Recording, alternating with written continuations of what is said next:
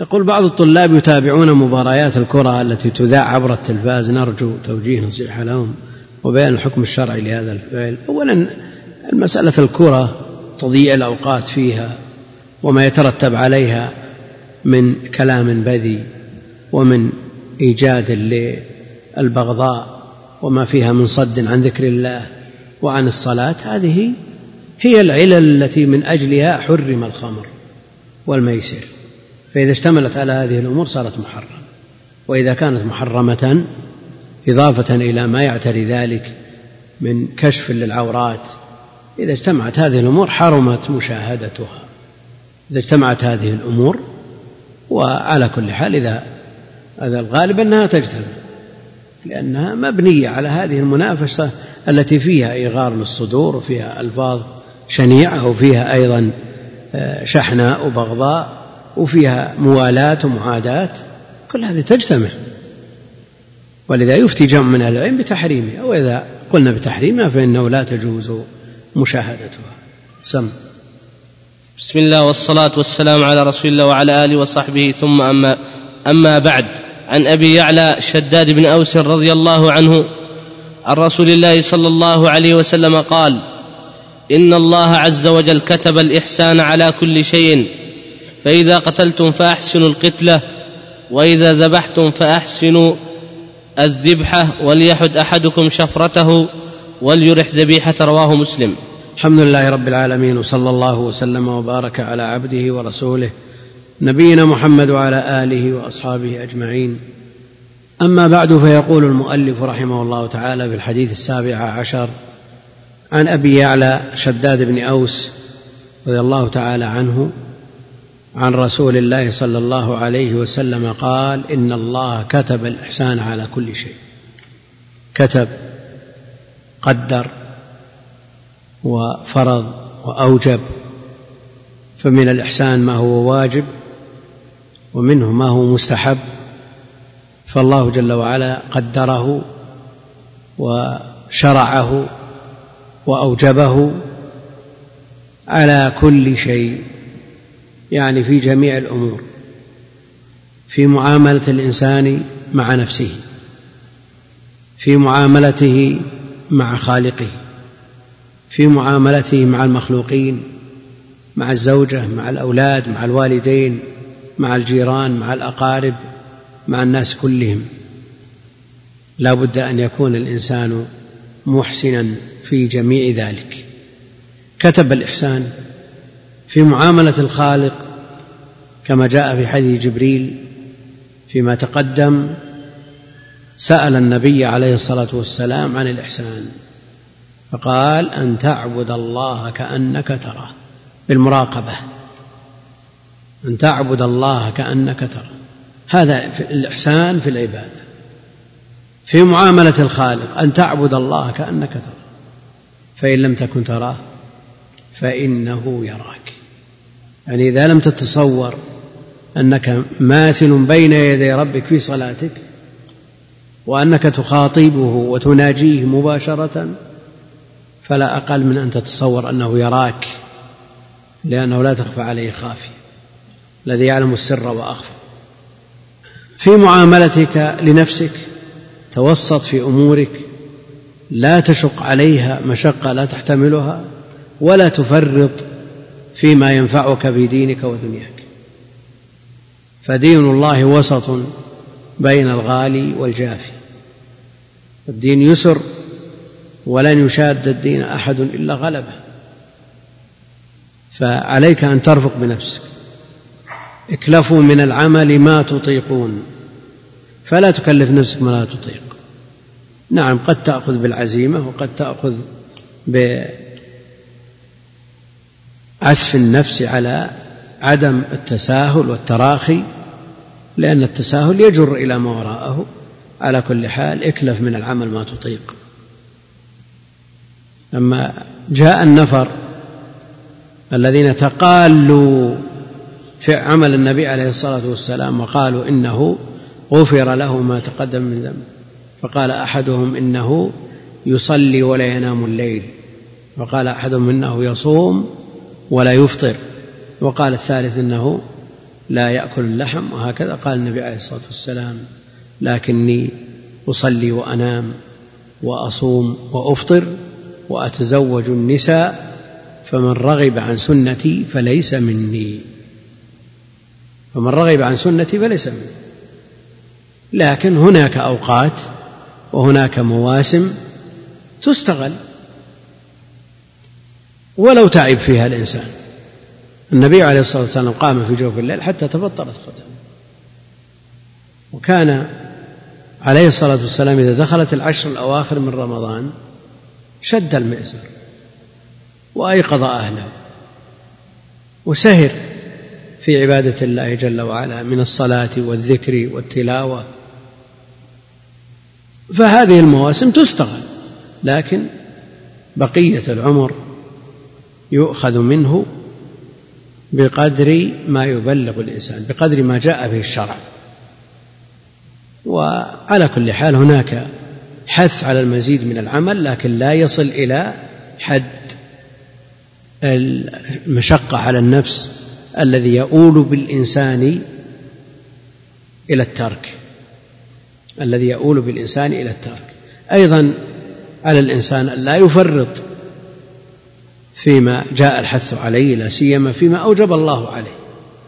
لا يجوز له أن يفرط بحال وهذا من الإحسان إلى النفس أن تحملها وتلزمها بما أوجب الله عليك وبما بترك ما نهاك الله عنه.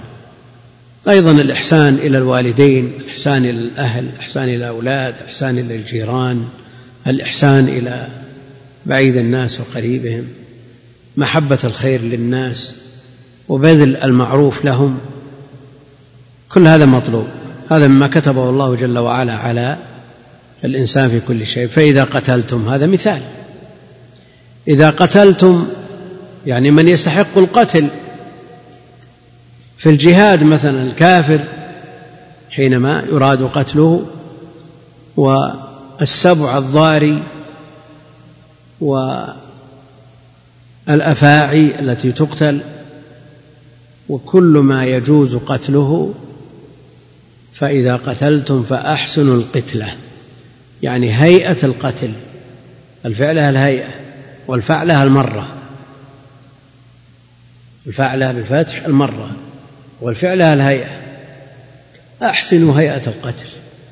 يعني إذا كان الإنسان مستحقا للقتل سواء كان مرتدا أو كافرا أصليا غير معاهد ولا ذمي يعني حربي أو قاتل فإنه لا بد من إحسان القتلة فيه. فلا يعذب أثناء قتله يقتل يحقق الغرض من القتل ويحسن إليه في هذه الحال. وأي دين أعظم من هذا؟ إذا كان عدوك تحسن إليه في قتله. قد يقال قائل إن ما وراء القتل شيء. وش أعظم من القتل؟ فما الإحسان؟ الإحسان في القتل. الإحسان في القتل. والإحسان في هذه الحالة له ولغيره. لأن قتله يردع غيره. والإحسان إليه بقتله يرفع عنه التعذيب. اللهم إلا إذا ارتكب في جريمته شيئا من التعذيب كما فعل النبي عليه الصلاة والسلام بالعرانيين. وهذه مماثلة في القتل. وأما المثلة فلا تجوز ونهى عنها النبي عليه الصلاة والسلام.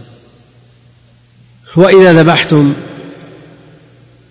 ما يحتاج إلى ذبحه من مأكول فأحسنوا الذبح.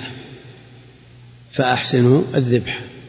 الجملة الأولى فيما يراد قتله ممن يجوز أو مما يجوز قتله. من إنسان سواء كان حربيا أو مرتدا أو قاتلا أو حيوان ما لا يجوز أكله كصائل أو مما يخشى ضرره مما أذن بقتله. وإذا ذبحتم النسيكة أو الحيوان لمأكلة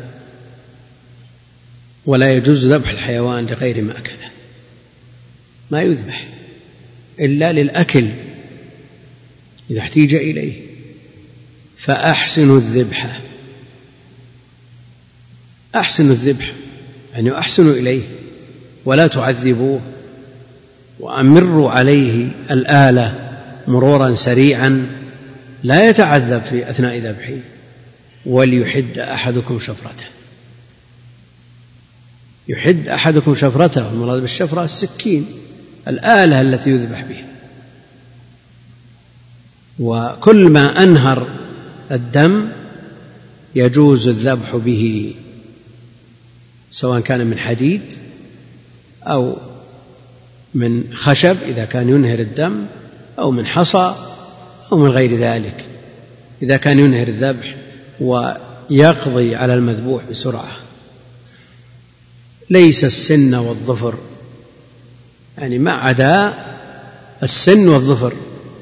أما السن فعظم وأما الظفر فمدى الحبشة. السن عظم والعظم معلوم. أنه لا يجوز أن يلوث بالنجاسة لأن العظام زاد إخوانكم من من الجن. قد يقول قائل هل سن الإنسان الذي يستخدمه بعض الناس في ذبح الطيور الصغيرة؟ وقد جاء النهي عنه ليس السن. لا يجوز الذبح بالسن ليس السن. أما السن فعظم. هذه العلة والعظم لا يجوز تلويثه لأنه جاء أنه لا يجوز الاستنجاء به أو استنجى بعظم أو بروث. كل هذا لا يجوز لأن زاد إخواننا من الجن كما طلبوا من النبي عليه الصلاة والسلام وأجابوا. فيعود هذا العظم أوفر ما كان. قد يقول قائل أن السن الذي جاء فيه النص ليست فيه هذه العلة. يعني هل إذا سقط سن من إنسان ورمي أو دفن يعود أوفر ما كان عليه من لحم الفك وما أشبه ذلك ليأكله إخواننا الجن؟ يعني التعليل بكونه عظم هذا منصوص. العلة منصوص أما السن فعظم. يعني بغض النظر عن كونه زادا أو غير زاد. هذه علة منصوصة شرعية يدور معها الحكم. أما السن فعظم وأما الظفر فمدى الحبشة سكاكين الحبشة. والحبشة في وقته عليه الصلاة والسلام كفار ما دخل عندهم الإسلام. ولا يجوز التشبه بهم. ويلزم من كونه مدية أن يطال الظفر أن يطال الظفر فيقتل به وهو خلاف الفطرة. فعلى كل حال كونه مدى الحبشة يقتضي المنع لأن فيه مشابهة للكفار.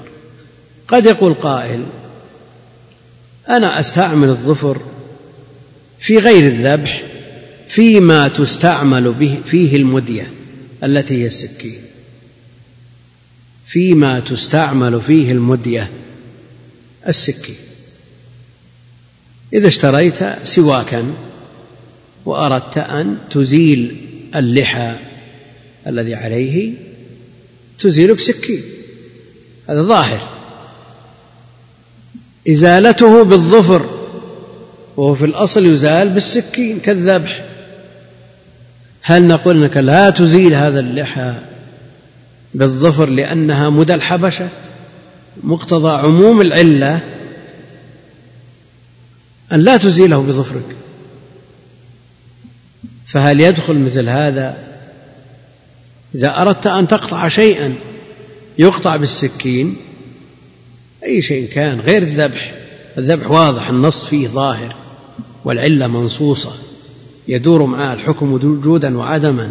لكن في غير المنصوص هل نقول إن عموم العلة يمنع جميع الاستعمالات للظفر فيما تستعمل فيه المدية لأنها مدى الحبشة؟ فإذا اشتريت سواكا خاما.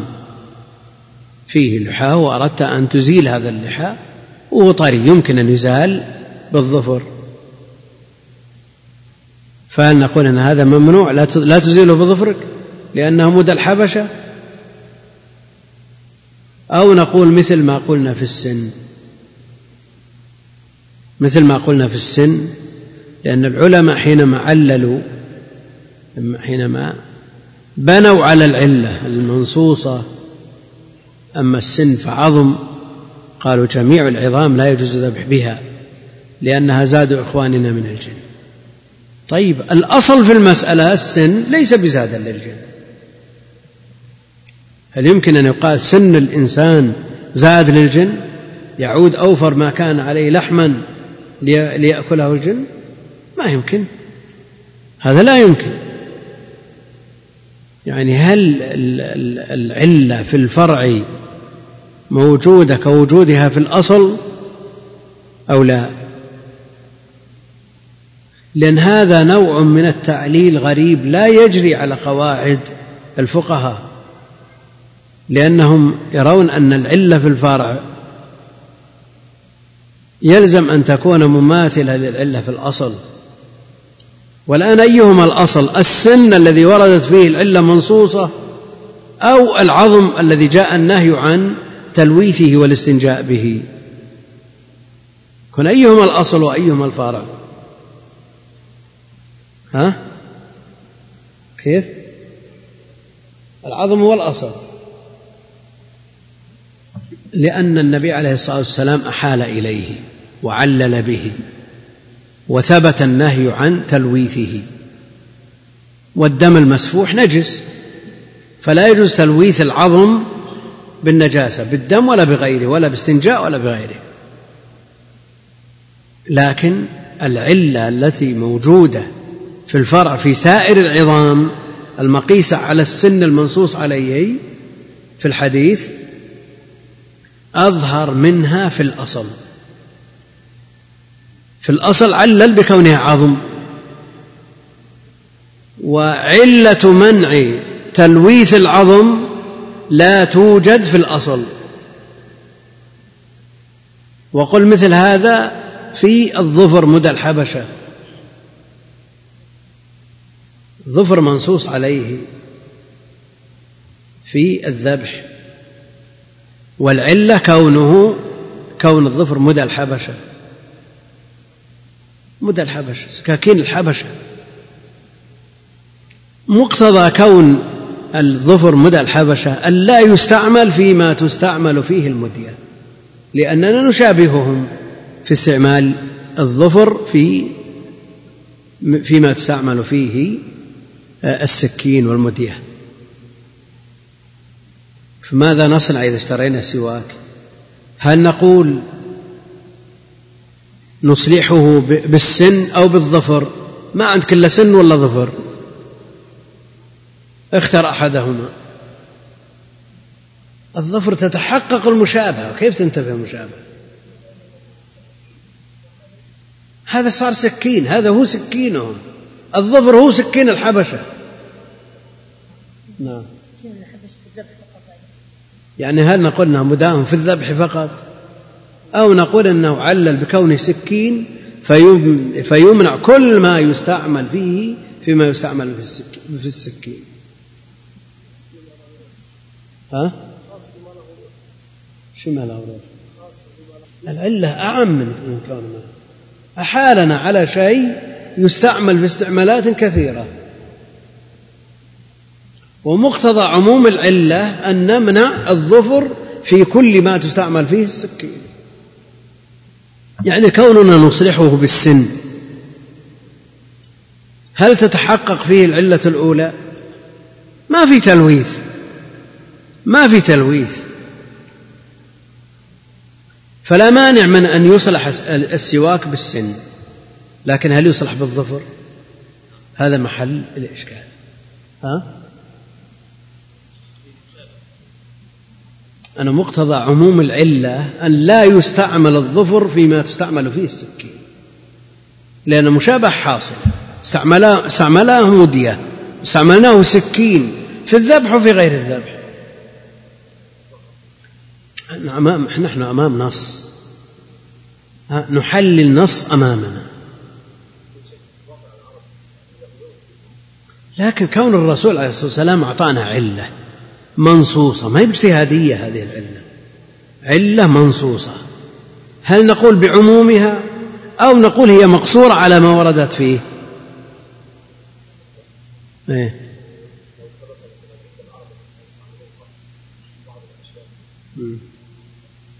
عندنا علة منصوصة بحديث صحيح صريح. والمنع من الظفر لأنه مدى الحبشة لوجود المشابهة. ها؟ هو في الذبح لكن العبرة بعموم. اللفظ. العبرة بعموم اللفظ.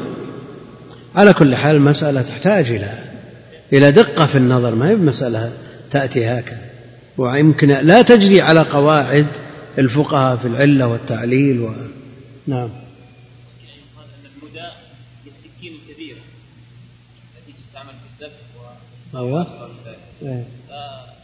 إزالة لحى السواك هذا لا يستعمل فيه المدى من السكين الصغيرة التي لا يطلق عليها مدى على كل حال أصغر سكين أكبر من الظفر ولا أصغر؟ سم. قال وليحد أحدكم شفرته. يعني يجعلها ماضية نافذة بسرعة غير كليلة ليكون أريح لما يراد قتله أو ذبحه وليريح ذبيحته. لا يعذب الذبيحة أثناء الذبح ولا يبادر بتقطيع أوصالها قبل أن تنتهي حياتها قبل أن تبرد وتسكن. ذكر بعضهم من الإحسان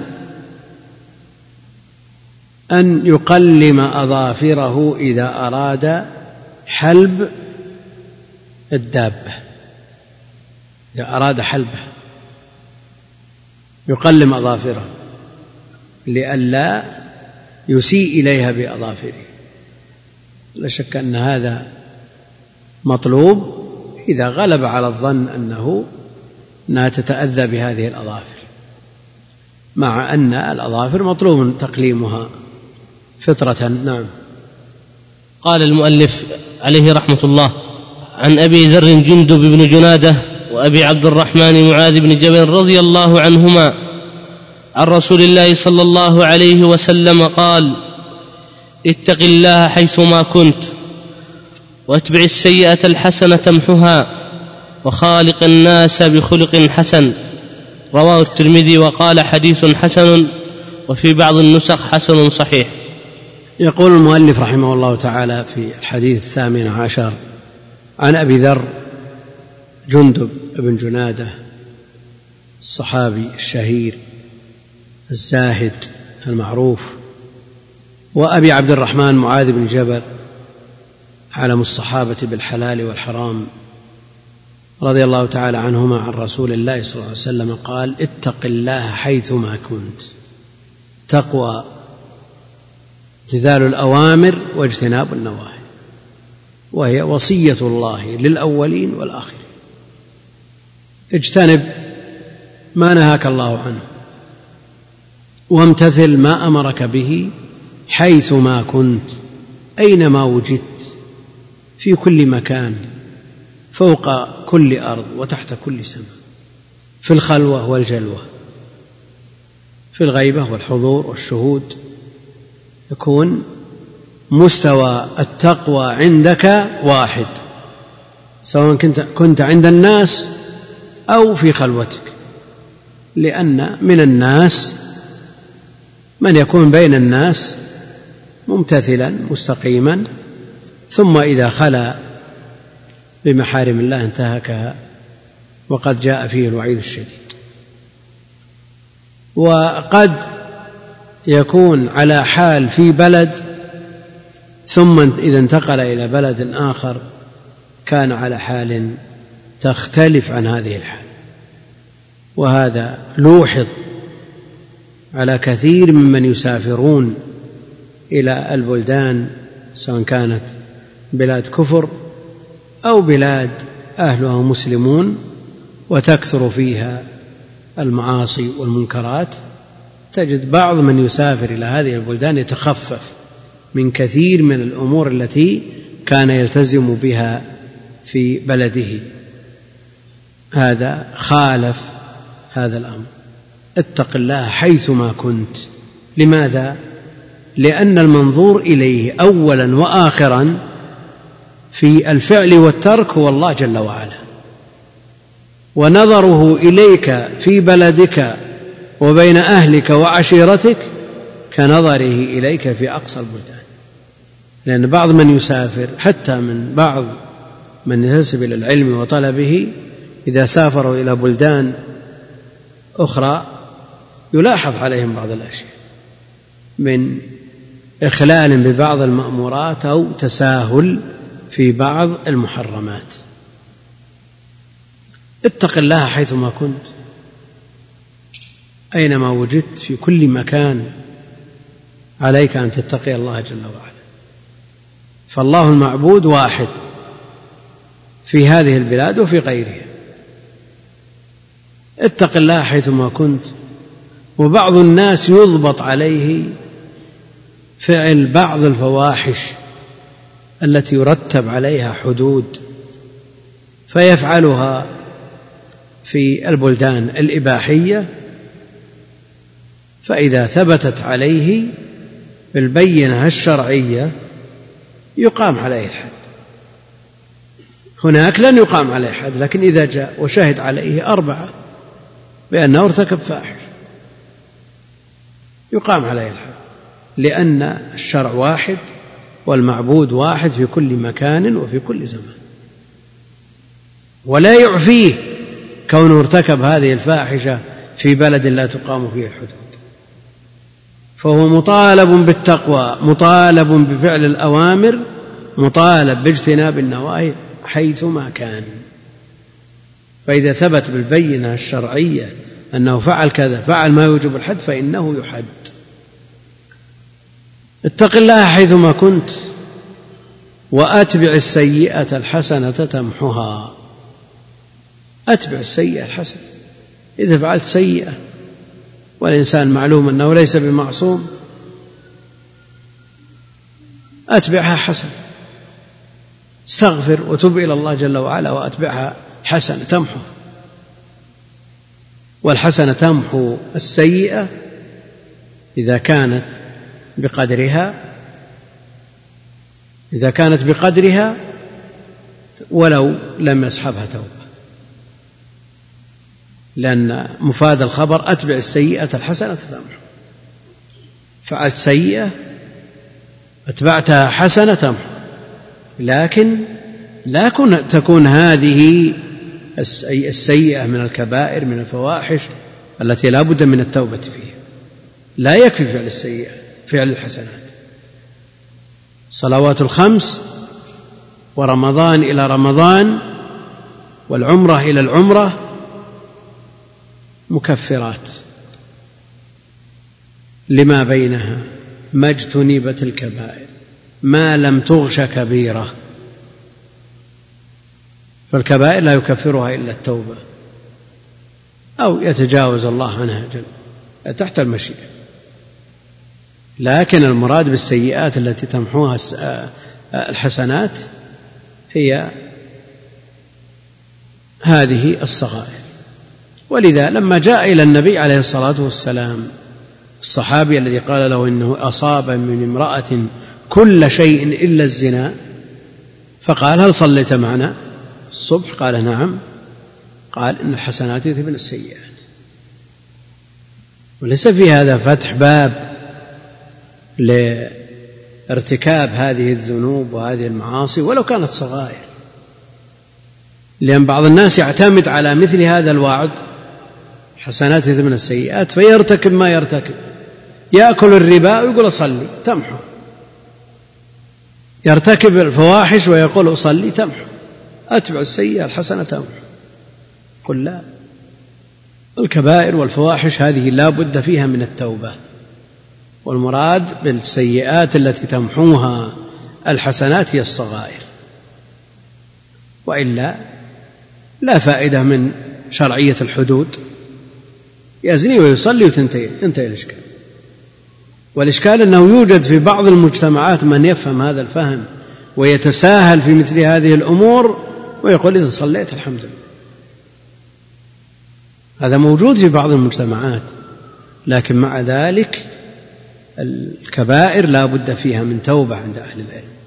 ما رتب عليه الحدود لا تمحوها الحسنات التي أمر بها الإنسان إن الصلاة ما ما تمسح جريمة الزنا ولا جريمة الربا. نعم إذا أديت على الوجه الشرعي الكامل هي في الأصل تنهى عن الفحشاء والمنكر. لكن افترض الإنسان كما هو في غالب حال الناس أنه يصلي صلاة مجزئة صحيحة مسقطة للطلب لكن لا تترتب عليها آثار نقول هذه الصلاة إذا كفرت نفسها يكفي كما قال شيخ الإسلام. وأتبع السيئة الحسنة تمحها وخالق الناس بخلق حسن. حسن الخلق أثقل ما يوضع في الميزان وأقرب الناس مجلسا من النبي عليه الصلاة والسلام أحسنهم خلقا. البر حسن الخلق وخالق الناس بخلق حسن من أجل أن تعيش مع الناس محبوبا مقدرا محترما متقربا بذلك قبل كل شيء إلى الله جل وعلا. خالق الناس بخلق حسن. رواه الترمذي وقال حديث حسن. والحسن عند الترمذي ما سلم من الشذوذ وروي من غير وجه. ولم يتفرد به راويه. قال الترمذي ما سلم من الشذوذ مع راو ما اتهم يعني لم يكن راويه متهما بالكذب ولم يكن فردا ورد. يعني يروى من غير وجه. هذا الحسن وفي بعض النسخ حسن صحيح حسن صحيح. وهذا التعبير مشكل عند أهل العلم. هذا التعبير مشكل. عند أهل العلم وقد بلغت أقوالهم فيه إلى خمسة عشر قولا. ستة عشر قول في مراد الترمذي بقوله حسن صحيح لكن من أشهرها أنه إذا كان قد روي الحديث من أكثر من طريق فيكون حسنا من طريق صحيحا من طريق آخر. وإذا كان طريقه واحد فهو على سبيل التردد هل بلغ إلى مرتبة الصحة أو قصر دونها إلى مرتبة الحسن؟ إلى غير ذلك مما قاله أهل العلم. سم. قال الإمام النووي عليه رحمة الله عن عبد الله بن عباس رضي الله عنهما قال كنت خلف رسول الله صلى الله عليه وسلم يوما فقال يا غلام إني أعلمك كلمات احفظ الله يحفظك احفظ الله تجده تجاهك إذا سألت فاسأل الله وإذا استعنت فاستعن بالله. واعلم أن الأمة لو اجتمعت على أن ينفعوك بشيء لم ينفعوك إلا بشيء قد كتبه الله لك. ولو اجتمعوا على أن يضروك بشيء لم يضروك إلا بشيء قد كتبه الله عليك. رفعت الأقلام وجفت الصحف. رواه الترمذي وقال حديث حسن صحيح. وفي رواية غير الترمذي احفظ الله تجده أمامك تعرف على الله في الرخاء يعرفك في الشدة. يعرفك جواب الطلب يعرفك. يعرفك في الشدة. واعلم أن ما أخطأك لم يكن ليصيبك وما أصابك لم يكن ليخطئك. واعلم أن النصر مع الصبر وأن الفرج مع الكرب وأن مع العسر يسرا.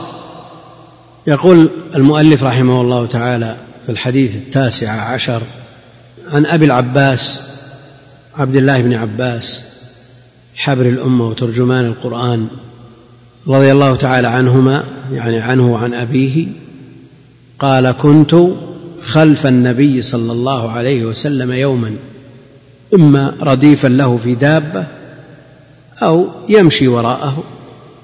فقال يوم من الأيام غير محدد. فقال يا غلام ابن عباس غلام صبي. لم يبلغ الحنث. مات النبي عليه الصلاة والسلام وابن عباس قد ناهز الاحتلام. يعني في الثالثة عشرة من عمره. يا غلام من باب المداعبة والملاطفة الصغير لينتبه ويعي ويحفظ ما يقال له. يا غلام إني أعلمك كلمات. إني أعلمك كلمات. وليس المراد ابن عباس فقط بهذه الكلمات لكنه خوطب بها والمراد بذلك جميع من يبلغه الخبر. لأن ابن عباس أدى هذه السنة وحملت عنه فهي لازمة للجميع. إني أعلمك كلمات. كلمات يعني جمل جمع كلمة والكلمة تطلق ويراد بها الجملة. كلمة الإخلاص كلمة التوحيد لا إله إلا الله. أصدق كلمة قالها شاعر قول لبيد.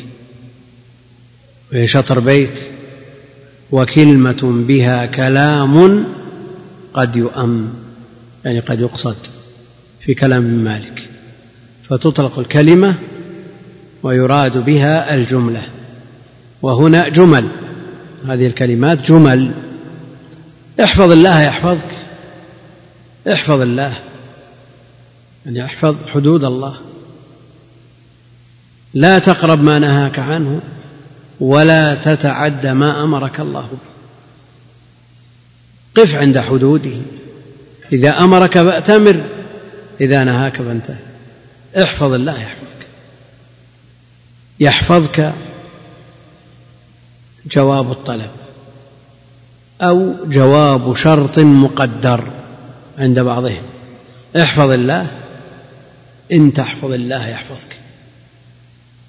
والأول أيسر إذا قلنا جواب الطلب ما احتجنا إلى تقدير. احفظ الله يحفظك يحفظك في دينك يحفظك في عقلك يحفظك في بدنك يحفظك في أهلك ومالك. في جميع ما تحتاج إليه من حفظ. احفظ الله يحفظك. احفظ الله تجده تجاهك. يعني كل ما تطلب منه قريب فهو قريب منك جل وعلا. ونحن أقرب إليه من حبل الوريد. احفظ الله تجده تجاهك يعني أمامك. فإذا حفظت الله جل وعلا وتصورت أنه أمامك سهل عليك كل مطلوب. إذا سألت فاسأل الله. إذا سألت أي حاجة من الحوائج من أمور دينك أو دنياك فاتجه إلى الله جل وعلا لأنه هو الذي بيده أزمة الأمور كلها. وإذا كان المسؤول عنه لا يقدر عليه إلا الله فسؤال غير الله شرك. وإذا كان المسؤول يقدر عليه المخلوق فلا مانع من أن يسأل لكن السؤال اولا واخرا والاتجاه إلى الله جل وعلا لأنه هو الذي يسخر هذا المسؤول أن يعطي. فالله جل وعلا هو المعطي وآتوهم من مال الله المال لله ليس للخلق. والرسول عليه الصلاة والسلام يقول إنما أنا قاسم والله المعطي. حتى فيما يملكه الإنسان لا يستطيع أن يعطي ولا يمنع من تلقاء نفسه وإنما هو سبب في العطاء والمنع. والمعطي والمانع هو الله جل وعلا. إذا سألت فاسأل الله وإذا استعنت فاستعن بالله. إذا استعنت فاستعن بالله وحده لأنه هو الذي يعين. إياك نعبد وإياك نستعين. يعني لا نستعين بغيرك. لأن تقديم المعمول يقتضي الحصر. قد تكون الاستعانة بالمخلوق فيما يقدر عليه. أما إذا استعنت بمخلوق فيما لا يقدر عليه فهذا الشرك. وإذا استعنت بمخلوق فيما يقدر عليه يا فلان ناولني كذا أو أعطني كذا أو أحضر لي كذا فهذا لا بأس به لكن لتعلم أن هذا المستعان به لا يستطيع أن ينفعك ولا يستطيع أن يعينك إلا بتقدير الله جل وعلا. وهو سبب فإذا استعنت فاستعن بالله. واعلم أن الأمة لو اجتمعت الأمة والأمة أعم من أن تكون أمة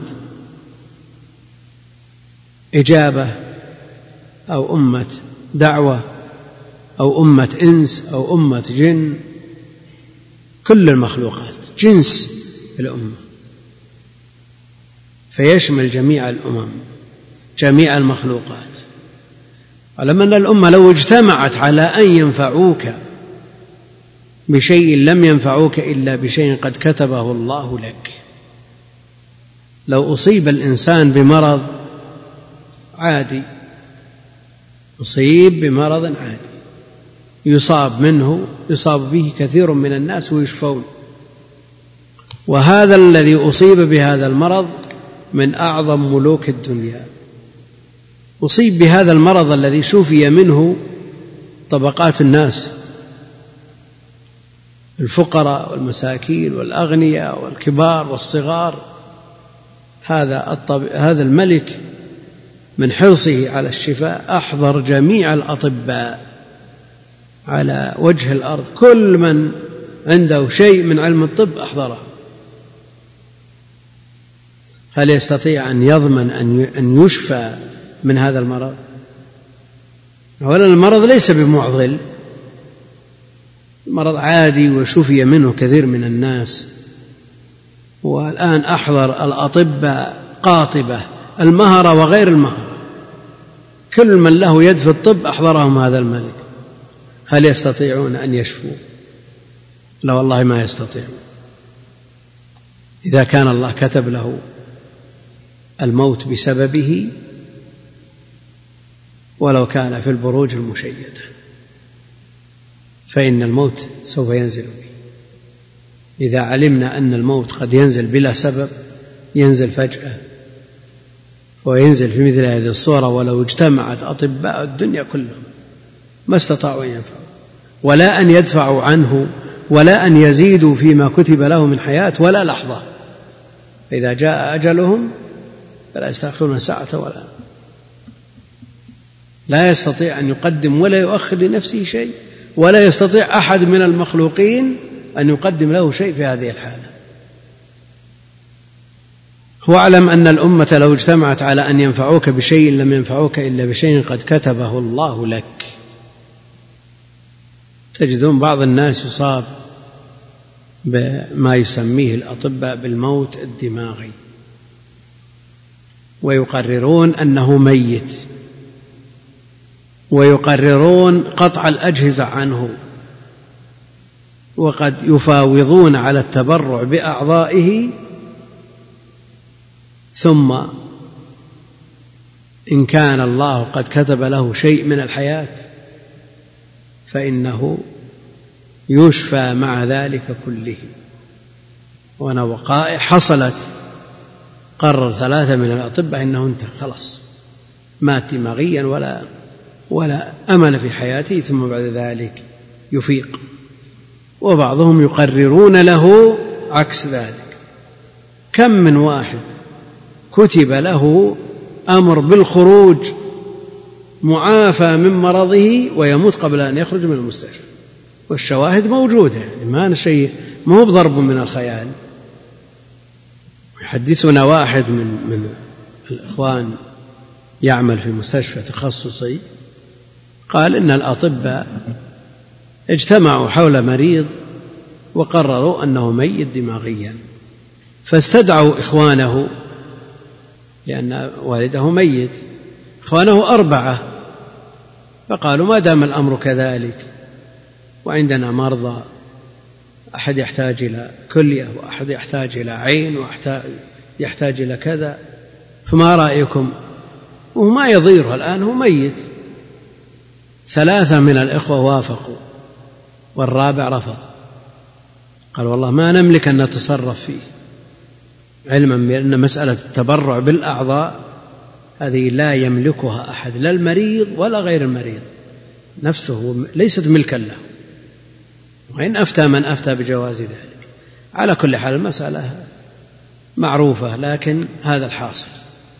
ثلاثة وافقوا وواحد رفض.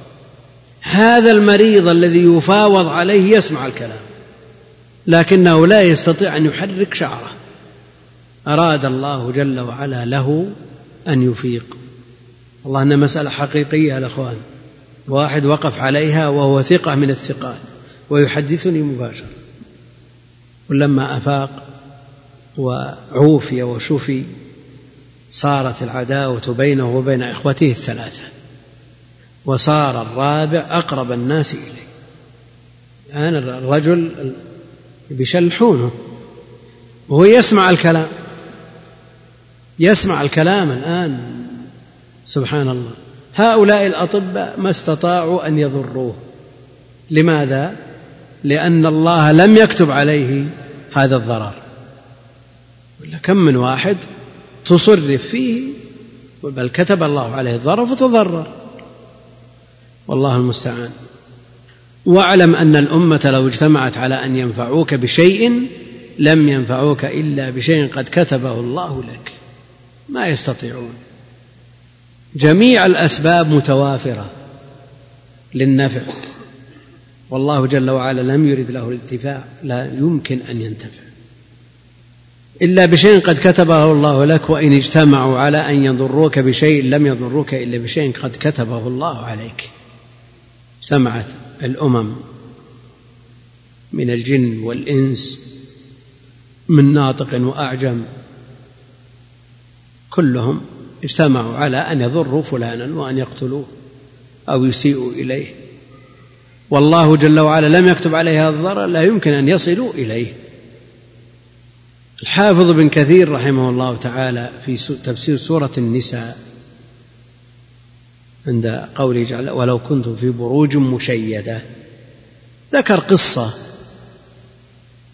لشخص من الأمم السابقة كان عبدا عند أسرة عند أسرة مملوك. وكانت المرأة في الشهر الأخير في الأيام الأخيرة من حمل فرأى هذا العبد رؤيا. فقال إن هذه المرأة سوف تلد بنتا. وسوف تزني هذه البنت مئة زانية. وتكون في النهاية هي زوجتك. هذه البنت. فولدت بنتا فقيل له أحضر السكين من أجل قطع سرة. فأحضر السكين وبقر بها بطن البنت. لماذا؟ لأنه قيل له أنك تتزوج هذه البنت و وسوف تزني مئة زانية. أراد أن يتخلص منها. بقر بطنها وهرب إلى بلد اشتغل فيه بالتجارة. فصار من الأثرياء. وبعد عشرين سنة عاد إلى بلده وأراد أن يتزوج من بلده. وعلى يقين أن تلك البنت قد ماتت فأوصى امرأة أن تخطب له أجمل بنت في البلد. وكان من تمام الرؤيا أنها ستموت بسبب العنكبوت. الحشرة الضعيفة هذه. ألف على امرأة. عجوز. قال لها أريد أجمل بنت في البلد. فخطبت هذه البنت. عولجت البنت خيط بطنها وشفيت وعوفيت. فخطبت له هذه البنت ودفع ما دفع. ودخل بها فرأى أثر شق البطن عرف أنها هي كان يظن أو يتوقع ولا واحد بالألف أن تلك البنت موجودة في الأحياء. لما رأى أثر شق البطن تذكر الرؤيا. ثم سألها هل حصل منها شيء؟ هل قارفت شيء؟ قالت نعم إنه حصل منها شيء. قال مرة أو مرتين. قالت الله أعلم كثير. قال مئة. قالت الله أعلم لكن ليست ببعيدة. رجل لما رأى هذه البنت وأعجبته وأشرب قلبه حبها ما استطاع المفارقة. إن هذه المشكلة إن الإنسان قد يفتن ببنت لجمالها ثم لا يستطيع مفارقتها وقد تؤثر عليه في دينه وقد يغمض عن عن عينيه أشياء مخلة بدينه وقد تكون مخلة بعرضه إذا فتن بها. عمران بن حطان كان من من خيار الناس. فخطب امرأة من الخوارج جميلة وقال نكتسب أجر الدعوة ندعوها إلى مذهب أهل السنة. والحاصل العكس ما زالت به حتى صار من رؤوس الخوارج. صلى الله السلامة والعافية كثير من الأخوان يقول آه، نطلب الجمال والدين يجي بالدعوة. والنبي عليه الصلاة والسلام يقول فاظفر بذات الدين. تربت يداك. أقدم على الزواج بهذه البنت مع أنه تيقن أنها هي التي في الرؤيا فشيد لها قصرا منيفا جزم أن العنكبوت لا تدخله. جزم أن العنكبوت لا تدخل من أي جهة تجي؟ فإذا به في يوم من الأيام جالس مع زوجته فإذا بالعنكبوت تنزل من السقف. تذكر الرؤيا قال لها أنت تموتين بسبب هذه الحشرة. قالت هذه حشرة أموت بسببها؟ فقامت فرك فركتها بعرقوبها في الأرض بعقبها فأصيبت بالعقب بالأكلة. يعني نوع من الجذام. صار هذا العقب يتآكل شيئا فشيئا إلى أن ماتت بسببه هذه القصة لم يرد بها حديث صحيح ولا خبر عن الصادق لكنها لها دلالات ويؤتى بها في تفسير الآية للمناسبة لأنه وضع القصر المشيد المنيف ومع ذلك نزلت بها المنية مع هذه الاحتياطات. رفعت الأقلام وجفت الصحف. المقادير كتبت قبل أن يخلق الله السماوات والأرض بخمسين ألف سنة. رفعت الأقلام وجفت الصحف. ما فيها الآن إلا أن كلا ميسر لما خلق له. الذي بيتغير مما كتب الله لك ما يمكن. إلا ما يقال في البر والصلة. من أراد أن ينسأ له في أثره يبسط له في رزقه وينسأ له في أثره فليصل رحمه. على الخلاف بين أهل العلم في الزيادة الحاصلة عن الصلة منهم من يقول زيادة حقيقية ومنهم من يقول زيادة معنوية بركة في الوقت وليست زيادة حقيقية في عدد السنين. المعروف الخلاف في هذه المسألة معروف والأمر فيها سهل رفعت الأقلام ما عاد في كتابة. وجفت الصحف. فرغ من الكتابة قبل خلق الخلق بخمسين ألف سنة. رواه الترمذي وقال حديث حسن صحيح. وفي رواية غير الترمذي رواية الإمام أحمد في المسند احفظ الله تجده أمامك وبمعنى تجاهك. تعرف إلى الله في الرخاء يعرفك في الشدة. تعرف إلى الله في الرخاء يعرفك في الشدة. المشركون الذين نزل القرآن على النبي عليه الصلاة والسلام وهو بين ظهرانيهم كانوا يشركون في الرخاء ويوحدون في الشدة. يدعون غير الله في الرخاء ويدعونه ويخلصون في الشدة. لكن هذا لا ينفع ولا ما ينفع؟ لا ينفع. تعرف على الله في الرخاء يعرفك في الشدة. والإمام المجدد الشيخ محمد بن عبد الوهاب رحمه الله في القواعد الأربعة قال إن مشركي زماننا أعظم شركا من الأولين. لأن الأولين يشركون في الرخاء ويوحدون في الشدة. ومشركي زماننا شركهم دائم في الرخاء والشدة تجده يوطى ويدهس بالأقدام في مواضع الزحام ويقول يا علي يا حسين يا بدوي يا عبد القادر يا فلان. الشرك الأكبر نسأل الله السلامة والعافية. تعرف على إلى الله في الرخاء يعرفك في الشدة. يعرفك في الشدة. كثير من الناس إذا جاء وقت الحاجة ووقت والوقت الذي يستغله يريد استغلاله في الخير للمضاعفات العظيمة والمواسم. يقول نستغل هذه المواسم. ليلة القدر نحييها أو نحيي العشر الأواخر كلها. لا نضيع منها شيء ولا نفرط بشيء ونترك القيل والقال. وإذا جاورنا في المسجد الحرام أو في مسجد النبي عليه الصلاة والسلام نستغل كل لحظة. لكن أين أنت في الرخاء؟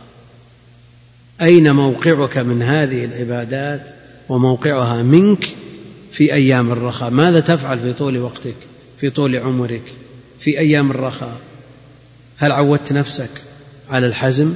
عودت نفسك على التلاوة على الصلاة على الذكر؟ إن كنت عودت نفسك في طول العام فأبشر. والواقع يشهد بذلك. يأتي بعض الناس ويجاور في أقدس البقاع يقول المسألة عشر ليالي وترجى فيها ليلة القدر. أستغلها وأترك القيل والقال وأنكب على المصحف والسلف يختمون في كل ليلة أنا بختم كل ليلة. هل يستطيع وما عود نفسه في أيام الرخاء؟ ما يستطيع.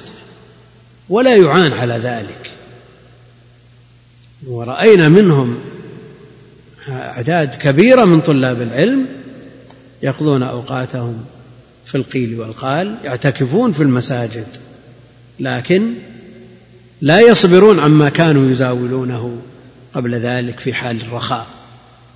تجد الكلام المباح موجود بكثرة وقد يتعدونه إلى شيء من ما فيه ما فيه وقد لا يصبرون عن شيء كانوا يزاولونه منهم من يأتي بالصحف والمجلات لأنه اعتادها ومنهم من يحضر الآلات ومنهم من يستعمل الجوال ليل نهار في كل وقته ونصيب القرآن منه كنصيبه في وقت الرخاء. ما يستطيع. رأينا من يجلس بعد صلاة العصر في المسجد الحرام يريد أن يقرأ إلى الفطور. يعني في الصيف يستطيع أن يقرأ عشرة أجزاء. ثم تجد يفتح المصحف يقرأ خمس دقائق لأنه ما تعود. ثم يطبق المصحف يتلفت يمين شمال غادي غادي ولا رايح. ثم يعود إلى المصحف ما وجد أحد يعود إلى المصحف خمس دقائق إن جاء أحد ولا قام هو يبحث عن الناس. لأن هذه حالة في حال الرخاء. ثم إذا أوى إلى مضجعه أسف وندم على أن ضيع اليوم وتوعد نفسه في الغد ثم نفس ما كان تعوده في حال الرخاء. تعرف على الله في الرخاء يعرفك في الشدة. واعلم أن ما أخطأك لم يكن ليصيبك وما أصابك لم يكن ليخطئك. ما أخطأك يعني ما حصل لك من خير أو شر ما يمكن أن يخطئك لأن الله كتبه عليك. وهو حاصل لك لا محالة. لبعض الناس ما أخطأك لم يكن ليصيبك. يعني أمامه شخص أو مجموعة من الناس وقد تأخر عنهم سقط عليهم جدار أو دهستهم سيارة. أنا متقدم من دقيقة واحدة كان معهم. جزى الله فلان خيرا الذي حبسني هذه الدقيقة. لو أنت بينهم ولم يكتب عليك ما حصل لهم لم يكن ليصيبك ما أصابهم وما أصابك لم يكن ليخطئك. ولو تأخرت لو تقدمت ما في فائدة لا وما تنفع. هذا مكتوب عليك لا بد أن يحصل. ومما يذكر أن شخصا حجز على رحلة في سفر فنعس في المطار وفاتته الطائرة. يعني ما اهتم. وجاء وجاء حضر قبل الموعد لكن نعس في المطار. ففاتته الطائرة فرجع إلى بيته مهموما مغموما ودخل يدعو بالويل والثبور فاتته الطائرة. فذهب إلى فراشه ما لبثوا أن أعلنوا عن الطائرة أن حصل فيها خلل واحترقت. فجاءت أمه لتبشره بالخبر. فرحت أمه فرح شديد. أن ولدها وفلذة كبدها لم يكن معه. فلما أيقظته لتخبره الخبر فإذا هو ميت. ما أصابك لم يكن ليخطئك. ما تقول والله ما رحت معهم جلست دونهم أنت بفراشك ومت أنفاس معدودة. دقائق محدودة لا تتقدم ولا تتأخر. وما أصابك لم يكن ليخطئك. واعلم أن النصر مع الصبر. النصر مع الصبر. بعض الناس يستعجل في أموره الخاصة وفي أمور الأمة يستعجل بها ويرجو النصر من قرب.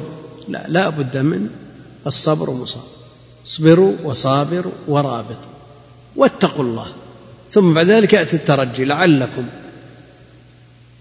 النصر مع الصبر. يقول كيف ينصر كفار على مسلمين؟ مسلمون يحتاجون إلى صبر يحتاجون إلى جهاد يحتاجون إلى تضحية يحتاجون إلى إخلاص يحتاجون إلى إعادة نظر في واقعهم. ولينصرن الله من ينصره وأن الفرج مع الكرب. إذا ازداد الكرب فاعلم أن الفرج قريب. وأن مع العسر يسرا. إذا وجد العسر فإن معه اليسر.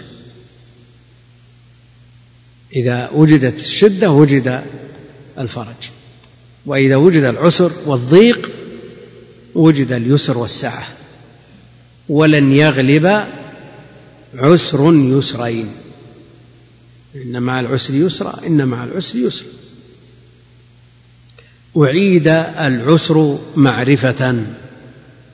والمعرفة إذا أعيدت معرفة كانت عين الأولى نفس الأولى. العسر الأول هو العسر الثاني. والنكرة إذا أعيدت نكرة كانت غيرها. فاليسر الأول غير اليسر الثاني. ولذا جاء في الخبر لن يغلب عسر يسرين. نعم سم. قال المؤلف عليه رحمة الله عن أبي مسعود عقبة بن عام عمرو بن عامر الأنصاري البدري رضي الله عنه قال عقبة بن عمرو عقبة بن عمرو بن عامر الأنصاري البدري رضي الله عنه قال قال النبي صلى الله عليه وسلم إن مما أدرك الناس من كلام النبوة الأولى إذا لم تستحي فاصنع ما شئت. رواه البخاري. يقول المؤلف رحمه الله تعالى في الحديث العشرين عن أبي مسعود عقبة بن عمرو الأنصاري البدري نسبة إلى بدر وهل هذه النسبة إلى الوقعة الغزوة غزوة بدر أو المكان المسمى بهذا الاسم الأكثر على أنه لم يشهد بدرا وإنما نزلها فنسب إليها. وإن كان الإمام البخاري يثبته في من شهد بدر لكن الأكثر على أنه لم يشهد بدر وإنما نزلها فنسب إليها. رضي الله عنه قال قال رسول الله صلى الله عليه وسلم إن مما أدرك الناس إن تأكيد أدرك مما يعني بعض. ما أدركه الناس من كلام النبوة الأولى يعني ليس جميع ما أدركه الناس من كلام النبوة الأولى. إن هذا شيء مما أدركه الناس من كلام النبوة الأولى. من كلام آه، الأنبياء في الأمم السابقة. هذا مما أثر عنهم وثبت عنه.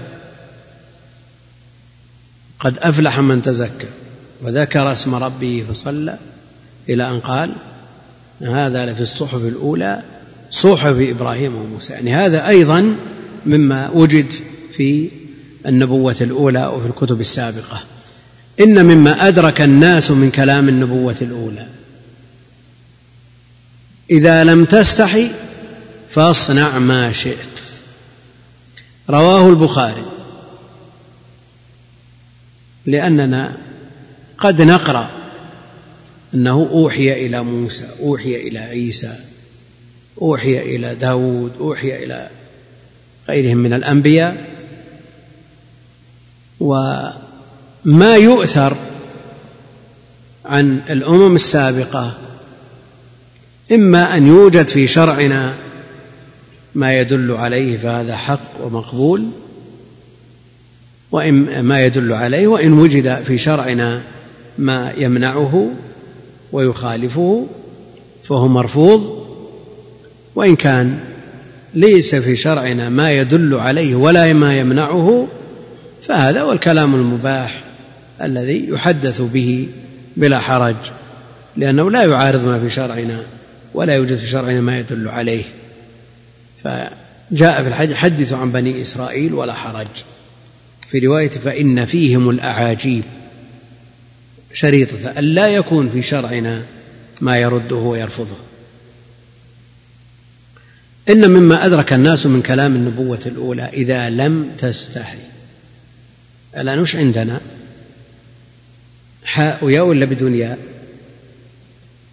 إذا لم فيه ياء ولا كسرة؟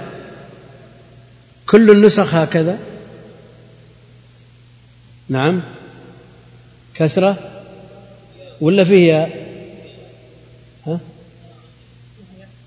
فيها ياء تستحي. طيب عمل لم. ألم جزم. لم تجزم. حرف نفي وجزم وقلب. كيف يجزم مثل هذا الفعل؟ بحذف حرف العلة. بحذف حرف العلة. وإذا أثبتت الياء هل يكون حرف العلة محذوف ولا موجود؟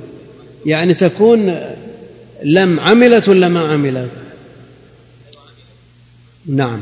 في صحيح البخاري في الأصل الترجمة إذا لم باب إذا لم تستحي بدون ياء. فاصنع ما شئت. وفي الحديث الذي ذكره تحت هذه الترجمة إذا لم تستحي بالياء. لماذا؟ لأن هذا الفعل يختلف عند قريش عن تميم فهو عند قريش بياءين إن الله لا يستحيي بياءين وعند تميم بياء واحد إن الله لا يستحي.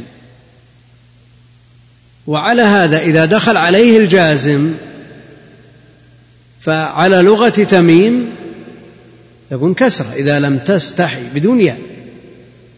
وعلى لغة قريش يكون بياء واحدة وتكون الياء الثانية هي التي حذفت للجازم. ولذا قد يقول قائل ويقرأ في الصحيح لماذا الترجمة حذفت الياء وفي الحديث أثبتت الياء؟ البخاري رحمه الله حينما ترجم استعمل لغة تميم وفي الحديث استعمل لغة قريش لأن النبي عليه الصلاة والسلام منهم. على كل حال إذا لم تستحي الرواية جاءت بالياء على لغة قريش. فالصواب أن تثبت الياء. ترجمة البخاري كونه على لغة تميم هذا ما يضر لأنه يريدها من كلامه رحمه الله. إذا لم تستحي فاصنع ما شئت. رواه البخاري وهذا الأسلوب يحتمل معنيين. إما أن يكون قوله فاصنع ما شئت تهديد يعني إذا رفع عنك هذا الخلق العظيم الذي هو شعبة من شعب الإيمان اصنع ما شئت كقوله جل وعلا اعملوا ما شئتم تهديد ويحتمل أن يكون إباحة. اصنع ما شئت. إذا كان هذا العمل مما لا يستحيا منه فاصنع. إباحة. إذا كان الإنسان سويا على الفطرة ورأى أن هذا العمل لا يستحيا منه لأن الناس يتفاوتون في هذه الصفة وهذه الخلة. تفاوتون يتفاوتون تفاوتا عظيما والمراد بذلك أوساط الناس الذين هم باقون على الفطرة. ليس عندهم غلو في هذا الباب وشطط وليس عندهم تساهل. إذا لم تستحي إذا كنت من هذا النوع ورأيت أن هذا العمل مما لا يستحيا منه فاصنعه والإختيار الأول هو أن هذا تهديد. وأنه لا بد أن تستحي. والحياء شعبة من الإيمان. فإذا نزع عنك هذا الخلق العظيم فأنت لن تتقيد بأوامر ولا بنواهي ولا تستحي لا من الله ولا من خلقه. لا نصنع ما شئت. والله بالمرصاد. نعم. سم. قال المؤلف عليه رحمة الله عن أبي عمرو وقيل أبي عمرة سفيان ابن عبد الله رضي الله عنه قال قلت يا رسول الله قل لي في الإسلام قولا لا أسأل عنه أحدا غيرك. قال قل آمنت بالله ثم استقم. رواه مسلم. يقول المؤلف رحمه الله تعالى في الحديث الحادي والعشرين عن أبي عمرو وقيل أبي عمرة خلاف في كنيته. سفيان بن عبد الله يعني اشتهر باسمه فاختلف في كنيته. رضي الله عنه هذه العادة أن من يشتهر بالكنية يضيع الاسم ومن يشتهر بالاسم تضيع الكنية. رضي الله تعالى عنه قال قلت يا رسول الله قل لي في الإسلام قولا لا أسأل عنه أحدا غيرك. يعني قول واضح شامل لا أحتاج أن أسأل معه أحد. هذا سؤال عظيم طلب عظيم وجوابه عظيم. أجابه النبي عليه الصلاة والسلام لأن الإنسان قد يسأل ثم يبقى في نفسه شيء من السؤال فيسأل غير المسؤول الأول ليوضح له. لكن إذا كان المجيب من أعطي جوامع الكلم. أفصح, أفصح الخلق. وأنصح الخلق. هل يحتاج أن يسأل بعده؟ لا. قل لي في الإسلام قولا لا أسأل عنه أحدا غيرك. قال قل آمنت بالله ثم استقم. قل آمنت بالله. قل انطق بإيمانك واعتقد بقلبك واعمل بجوارحك واستمر على ذلك. استمر على ذلك. اعبد ربك حتى يأتيك اليقين. إن الذين قالوا ربنا الله ثم استقاموا تتنزل عليهم الملائكة. فمطلوب الإيمان والاستقامة من غير اعوجاج الاعتدال على هذا على هذا الصراط المستقيم. وهذه هي العبارة الشرعية التي يعبر بها ويوصف بها الإنسان الملازم للصراط المستقيم. يقال مستقيم. والناس يقولون ملتزم. نعم هي تؤدي المعنى لكن إذا كانت العبارة شرعية جاءت بها النصوص فهي أولى من غيرها. إذا قيل فلان ملتزم معناه أنه مستقيم. ملتزم للأوامر ملتزم بترك النواهي. نعم؟ فهو المستقيم لكن العبارة الشرعية التي جاءت بها النصوص أولى من غيرها ولو أدت معناها قل آمنت بالله ثم استقم. على هذا الإيمان وقد أمر النبي عليه الصلاة والسلام بالاستقامة. في سورة هود. ها؟ كما أمرت. أمر النبي عليه الصلاة والسلام بالاستقامة. وهو أعظم مستقيم. إنما أمر بها من أجل أن يهتم بها من يقتدي به بهذا الأمر وأن يلزم الاستقامة ويستمر عليها. فالمسلمون قاطبة في كل ركعة يقولون اهدنا الصراط المستقيم. يا أيها الذين آمنوا آمنوا. يعني الزموا هذا الإيمان واستمروا عليه.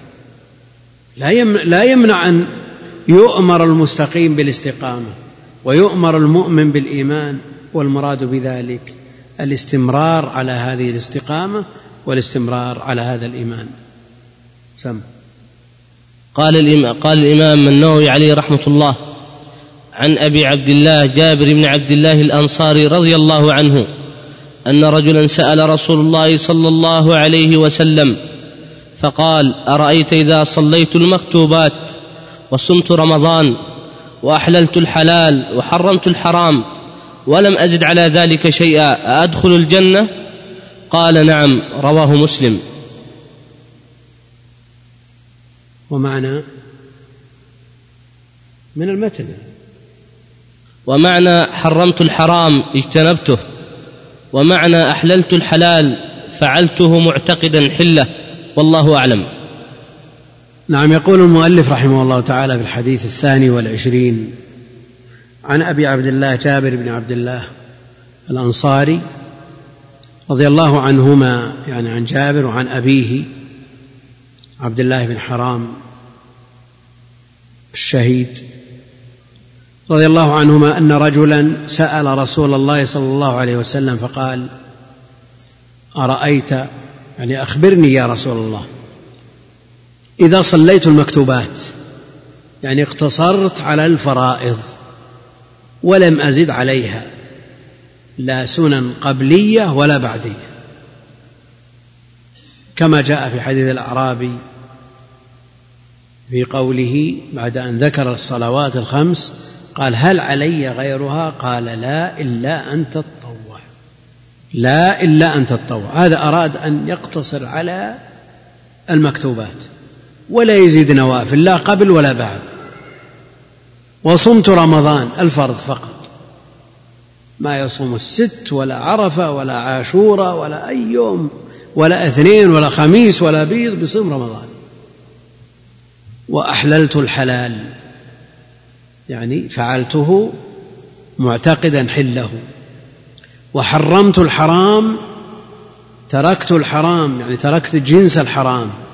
أحللت جنس الحلال يعني جميع ما أحله الله أستحله معتقدا حله. أفعله معتقدا حله. وحرمت الحرام يعني اجتنبته معتقدا حرمته. ولم أزد على ذلك شيئا أدخل الجنة؟ قال نعم. قال نعم. لأن مقتضى التقوى فعل المأمورات وترك المحظورات. وهذا هو المعروف في النصوص بالمقتصد. المقتصد الذي لا يزيد على ما أوجب الله عليه ولا يترك سوى ما حرم الله عليه. لا يفعل نوافل ومستحبات ولا يترك المكروهات والمباحات. هذا مقتصد. هذا مثل الذي صرفه بقدر دخله. لا يزيد ولا ينقص. أفضل منه السابق بالخيرات وهو الذي يزيد على الفرائض النوافل ويزيد على ترك المحظورات ترك المكروهات. هذا سابق بالخيرات. ودون المقتصد الظالم لنفسه. عنده أصل الدين عنده التوحيد لكنه قد يخل ببعض الواجبات وقد يرتكب بعض المحظورات. هذا ظالم لنفسه. هذا خلط عملا صالحا وأخر سيئا. هؤلاء الأقسام هذه الأقسام الثلاثة كلها مآلها إلى الجنة كما جاء في سورة فاطر. الاقسام الثلاثة كلهم إلى الجنة. أما بالنسبة للسابق هذا معروف من أول وهلة وكذلك المقتصد. وأما الظالم لنفسه فإنه إما أن يدخل برحمة أرحم الراحمين من أول وهلة تكفر عنه هذه الذنوب الناشئة عن ترك الواجبات وفعل المحظورات أو يطهر يعذب بقدرها ثم يكون مآله إلى الجنة. أرأيت إذا صليت المكتوبات وصمت رمضان وأحللت الحلال وحرمت الحرام. ما قال؟ وزكيت. خرجت الزكاة المفروضة. ولعل النبي عليه الصلاة والسلام يعرف من حاله أنه ليس عنده ما يزكي. علما بأن ما ترك يدخل في حرمت الحرام لأن منع الزكاة حرام. منع الزكاة من عظائم الأمور فهو داخل في قوله حرمت الحرام. أما بالنسبة للحج فالذي يغلب على الظن أنه لم يكن فرض لأنه ما فرض إلا في السنة التاسعة. وإذا كان قد فرض فإنه كالزكاة يدخل في حرمت الحرام. قد يقول قائل لماذا ما أصنع هذا الفعل؟ إذا كان هذا يكفي لدخول الجنة لماذا أتعب نفسي بقيام ليل؟ أتعب نفسي بطلب علم وأتعب نفسي ب... بصيام هواجر وقيام ليالي الشتاء وغير ذلك. لماذا أخرج قدر زائد على ما أوجب الله من مالي؟ ولماذا ولماذا؟ فلا تريد أن تكون سابقا بالخيرات. أتضمن أن هذه الفرائض التي تؤديها تؤديها على الوجه المطلوب؟ ألا تريد أن تكمل هذه الفرائض من هذه النوافل إذا وجد الخلل؟ يعني لا وجه لقول من يقول أنا أقتصر على هذه وكفى. من يضمن أنك تؤديها على الوجه الشرعي المطلوب؟ لا يكون فيها خلل. فالخلل في الفرائض يكمل من النوافل. فمن نعم الله جل وعلا أن شرع لعباده هذه النوافل. سم. قال المؤلف عليه رحمة الله عن أبي مالك الحارث بن عاصم الأشعري رضي الله عنه قال قال رسول الله صلى الله عليه وسلم الطهور شطر الإيمان والحمد لله الطهور. شطر الإيمان. الطهور شطر الإيمان. والحمد لله تملأ الميزان وسبحان الله والحمد لله تملأان أو تملأ ما بين السماء والأرض والصلاة نور والصدقة برهان والصبر ضياء والقرآن حجة لك أو عليك. كل الناس يغدو فبائع نفسه فمعتقها أو مؤبقها. رواه مسلم. يقول رحمة الله عليه في الحديث الثالث والعشرين من هذه الأربعين المباركة. يقول عن أبي مالك الحارث بن عاصم الأشعري رضي الله تعالى عنه قال قال رسول الله صلى الله عليه وسلم الطهور شطر الإيمان طهور شطر الإيمان والمراد به التطهر والطهور هو الماء الذي يتطهر به. لكن المراد به فعل التطهر والمراد به طهارة الظاهر وطهارة الباطن طهارة الجوارح وطهارة القلب شطر الإيمان يعني نصف الإيمان نصف الإيمان الذي لا يتطهر لا ظاهرا ولا باطنا ولا شك أن الطهور شرط لصحة الصلاة. وهذا شأنه عظيم الذي يصلي بلا طهارة صلاته صلاته باطلة. شطر الإيمان لكن هل يكفي الشطر الثاني دون الشطر الأول؟ يكفي نصف الإيمان؟ ها؟ لا لا يكفي لأن الصلاة مردودة بدون الطهور. لا يقبل الله صلاة من أحدث حتى يتوضأ. لا تقبل صلاة بغير طهور ولا صدقة من غلول. الطهور شطر الإيمان والحمد لله تملأ الميزان. الحمد لله هذه الكلمة. وصف الرب جل وعلا بصفات كماله ونعوت جلاله مع حبه وتعظيمه هذه تملأ الميزان. وكثير من أهل العلم يعرف الحمد بأنه الثناء وهذا رده ابن القيم لأن النبي عليه الصلاة والسلام غاير بين الحمد والثناء. في حديث قسمت الصلاة بيني وبين عبدي نصفين فإذا قال العبد الحمد لله رب العالمين قال حمدني عبدي وإذا قال الرحمن الرحيم قال أثنى علي عبدي. قال مالك يوم الدين قال مجدني عبدي فالثناء غير الحمد. واختار ابن القيم أن الحمد وصف الرب جل وعلا بصفات الكمال ونعوت الجلال مع الحب والتعظيم له. الحمد لله تملأ الميزان. كلمة ليس لها وزن يعني حسي. الكلام معنوي ليس له وزن حسي ولا يمنع. في قدرة الله جل وعلا أن تجسد هذه المعاني وتوضع في كفة الميزان كما جاء في البقرة وآل عمران كأنهما غمامتان أو غيايتان تحاجان عن صاحبه السماوات والأرض قالتا أتينا طائعين. القدرة الإلهية لا يقف دونها شيء. فتجسيد المعاني أمر سهل أمام هذه القدرة العظيمة.